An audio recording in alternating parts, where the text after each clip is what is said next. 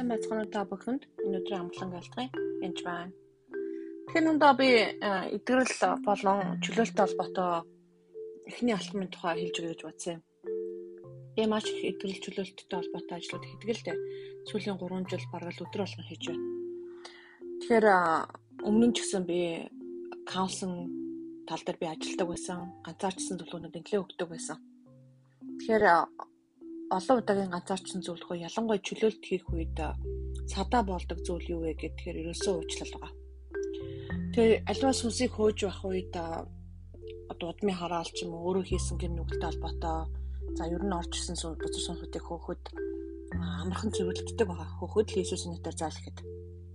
Харин заалтгүй үлдчихдэг тохиолдол бол байдаг. Эдгээрийн нэг нь бол үл уучлал байгаа Аа нөгөөх нь бол үнэхээр өөрөө гэж бодох тохиолдол байгаа. Урт нь өөрөө бүр хүлээн зөвшөөрөөд гэрээ хилцэл хийгдсэн бас байдал байгаа. Тэр хин ч хөө би чөтгөртэй гэрээ хий гэж хийхгүй шүү дээ. Аа зүгээр л өөрөө мэдхгүйгээр одоо хурамч мэд итгэж өмсөн талбартай болж байгаа. Жишээ хэлээ л да. Аа би бол амийн ус гэж Есүс хэлсэн. Ус ус цэвэр ус. Усан дээр би 10%-ийн алкогол буюу арх тэр арх юм уу дарс болж хуурна. Цэвэр ус болж хуурахгүй. Түүнтэй адилхан хуурамч зүйлд итгэж байгаа ус гэж бодоод. Тэгээ уусан чинь согт очиж байгаа. Өөрөө мэдхгүй хор байсан ч гэсэн усан дээр би 5 юм 10% хольц хийхэд тэр цэвэр ус биш болж хуурна.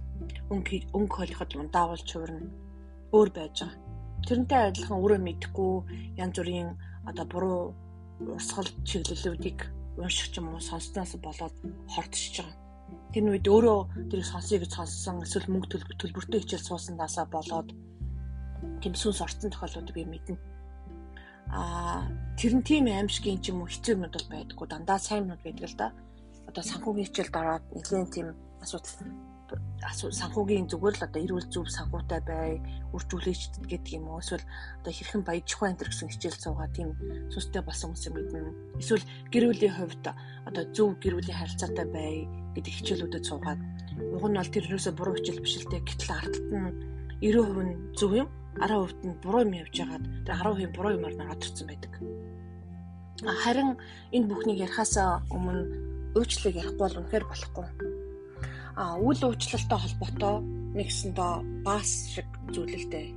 Баасан дээр ялаа шавдаг. А баасыг арилгахгүй болвол ялаа шавсаар л байна. Ялаа гिचний үргээгээд будар сүнс зайл гэж хөөгөөд гараа сэвлээ сэвлээ гэж бодъё. Тухайн үед ялаа явах уу явна. Тэгээд буцаал хүрээдэрнэ. Тэгээд өмхий самхаа тэрийгээ сайн мэдэхгүй байна гэсэн. Тэгээд ихэнх хүмүүс өө би уучлалцсан штэ гэж ярьдаг. А тэгээ за тэр талаар ярилцдаг. Уучлалцсан чи ярьж яах юм?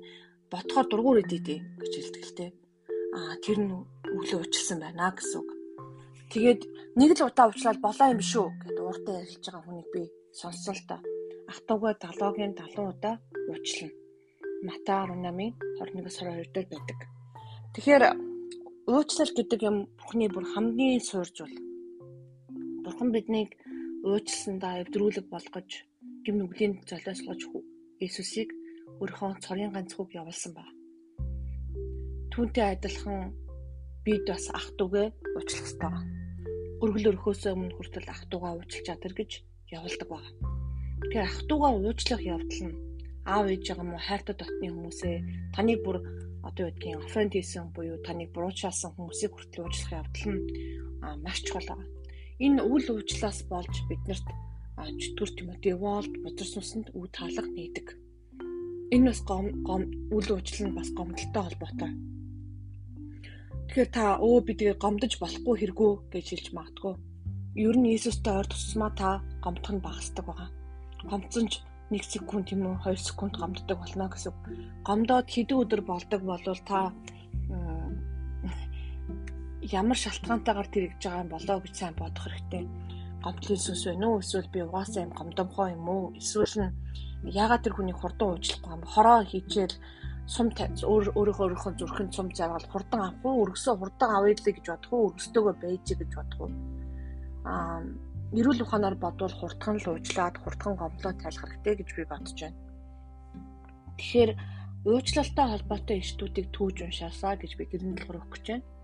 Тэгээд уучлахгүй байх нь бузар сүнсийг чөлөөлөхөд ерөөсөө хэцүү болчдөг.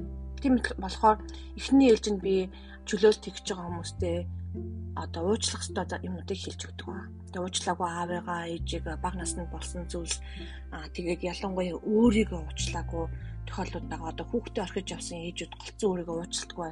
Тухайн үнээр ажлын шалтгаанаар эсвэл одоо гадаад дотод яваад виз мэс нь гарахгүй хүүхдтэйгээ уулзаагүй зөндөө олон тохиолдолтой хүмүүстэй би уулзж байсан. Өөрийгөө уучлалтгүй буруутай ингэ бодчихдог. Үнэхээр бурхан таныг уучлсан бол та бас өөрийгөө уучлах ёстой өөрийнхөө хин гэдгийг мэдэх явдал маш чухал те. Та ээж бол та ээжийнхаа байр сууринд очино. Буруутан гэдэг байр суурин дээр биш ээж дээрээ. Та охин бол охин гэдэг байр суурин дээр очино. Гимтэн гэдэг байр суурин дээрээ биш. Тэгэхээр уучлалын талаар дараагийн хичээлээр дахиад ярина. Яг бол чөлөөлт хэлэхээс өмнө бүх юм уучлалт тусах хэрэгтэй. Тэр бол маш чухал. Тэгэхгүй бол чөлөөлт бүрэн явдаггүй. Ямар нэгэн байдлаар девалт тэн дээр үлдэх юм уу орж ирэх үе таалга нь нээлттэй байна гэсэн үг. Шумуулаар шумуулын тор ч юм уу байхгүй наа л гэсэн үг. Тэг гэрт хамгаалалт тавихын тулд үйл уучлал ерөөсөө байж болохгүй гэсэн үгийг би дотор сэтгэл санаан дотор ч гэсэн бүгдийг нь уучлах хэвээр хайж агаад олоод уучлах хэвээр гэсэн үг. Тэгээд уучлсан гэдгээ яаж мэдэх вэ гэхэд тухайн үеиг тэрийг бодоход ямар нэгэн сэтгэл хөдлөл орж ирэхгүй гашуу биш байна гэсэн үг. Тайван амгалан байж амар амгалан болно гэсэн үг. Тэгээд уучлалын талаар үргэлжлүүлэн хэлэх болно.